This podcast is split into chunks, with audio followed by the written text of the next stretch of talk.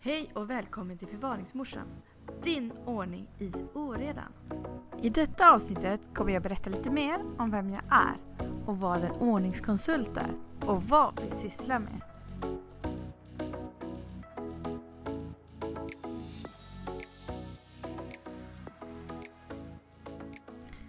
Eftersom jag inte har varit som alla andra och berättat om mig själv i mitt första avsnitt som väldigt många podcast creators gör tänkte jag att jag nu, när du säkert har lyssnat igenom några avsnitt och tagit det ända hit, så kanske du blir nyfiken på personen bakom förvaringsmorsan.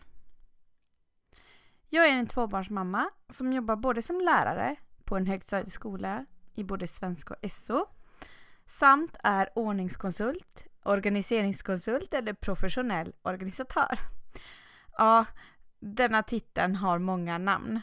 På engelska kallas vi ofta för professional organizer, som jag tycker nästan beskriver bättre vad vi sysslar med. Jag har valt ändå att använda titeln ordningskonsult, för jag vill skapa ordning i hemmen, i sinnet och förhoppningsvis en lugnare vardag. Kort och gott, jag hjälper dig att rensa och organisera om ditt hem för att skapa mer struktur och ordning.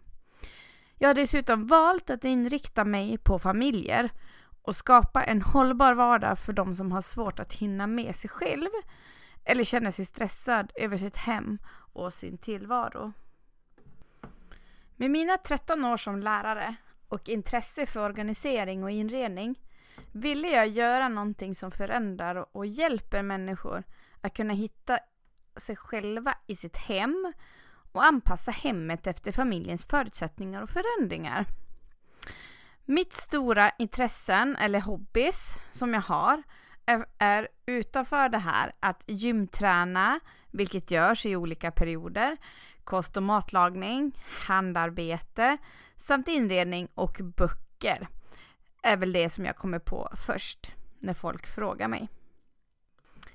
Senaste året har jag även fått upp intresset för både mjukvara och hårdvara och jobbar mycket med att kombinera och effektivisera arbetet både digitalt och analogt. Och det här gäller inte bara som ordningskonsult utan även som lärare. Jag har i flera år egentligen haft en dröm att få starta eget men aldrig riktigt vågat förrän jag mötte Marie Wigensjö förra året. Hon kan man säga är en styrkecoach för kvinnor som pushar att våga kliva ut i det okända. I många år hade jag handarbetat saker och på, gjort på beställning babynest och mössor. Men haft en dröm att starta ett studentcafé mittemot Chalmers. Ja, det har ju faktiskt att göra med att jag har bott på närheten av Chalmers högskola och såg väldigt många olika små, små trevliga lokaler som jag tyvärr inte hade råd att hyra. Min ordning och reda då, den har jag alltid haft med mig. Kanske inte det är så osagt bland oss ordningskonsulter, men många i andra länder är faktiskt lärare som har blivit ordningskonsulter. Lärare behöver en grundstruktur för att vägleda eleverna och hålla koll på allt från sina läxor, prov till barnets utveckling. Så det kanske inte är så konstigt att många av oss lärare också blir ordningskonsulter. Jag är dessutom en person som gillar att ha många bollar i luften och provar alltid nya saker och är ständigt på väg någonstans. När jag 2015 blev deltidssjukskriven på grund av foglossning med mitt första barn så blev jag nästan låst i vår lägenhet på andra våningen. Att gå i trappor var jobbigt, att sitta en längre stund gjorde ont och min mage var så stor att jag hade problem att röra mig. Därför tyvärr blev det en hel del stillasittande framför tvn tittades på Youtube-filmer. Först blev det väldigt mycket om scrapbooking och planning, eh, bullet journaling, men där delar jag också in till home moms, alltså hemmafruar, som gjorde organisering och städvideos. Och det blev naturligt också att det trillade in på organiseringskonsulter. Jag blev förvånad att det fanns ett yrke i detta och började genast boa in mig i det jag kunde och samtidigt sätta igång med min rensningsresa. När vi 2018 flyttade från en trerumslägenhet med en tvååring och en två veckors baby fyllde våran flytt tre omgångar av en liten lastbil som vi hyrt. Vi hade rensat ut det som inte vi ville ha med oss till vårt nya hem. Detta har sedan fått prägla vår inställning att inte fylla ut varenda vrå och skrymsle i vårt hem.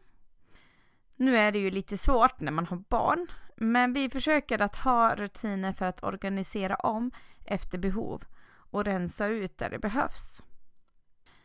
Att packa upp våra flyttkartonger tog inte mer än några månader och vi köpte bara de nödvändigaste möblerna till vårt hus, begagnat.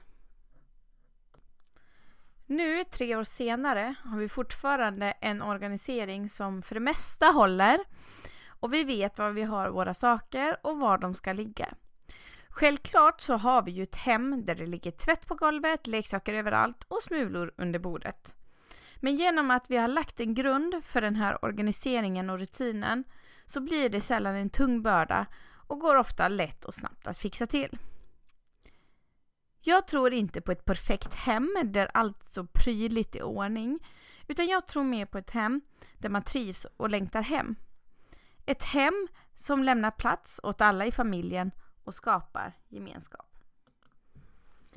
Detta hänger såklart ihop med mig som mamma, lärare och ordningskonsult.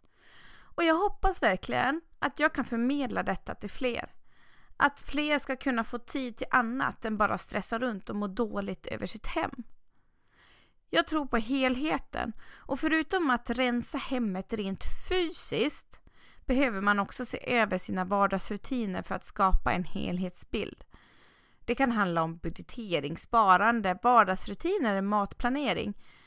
Allt det där som hänger ihop för att få sin familj att fungera. Det känns även som en hjärtefråga som pedagog då jag ser att elever har svårt att skapa struktur själva och inte fått det hemifrån. Och det har också lett till att det har varit svårare för dem att klara sin vardag och planera vad som kommer sen. Jag hoppas ändå att du har orkat lyssna ända hit och att du känner att om du vill skapa mer ordning i vardagen, inte väntar utan börjar skapa den ordningen idag. Och jag finns med dig om du behöver en hjälpande hand på vägen.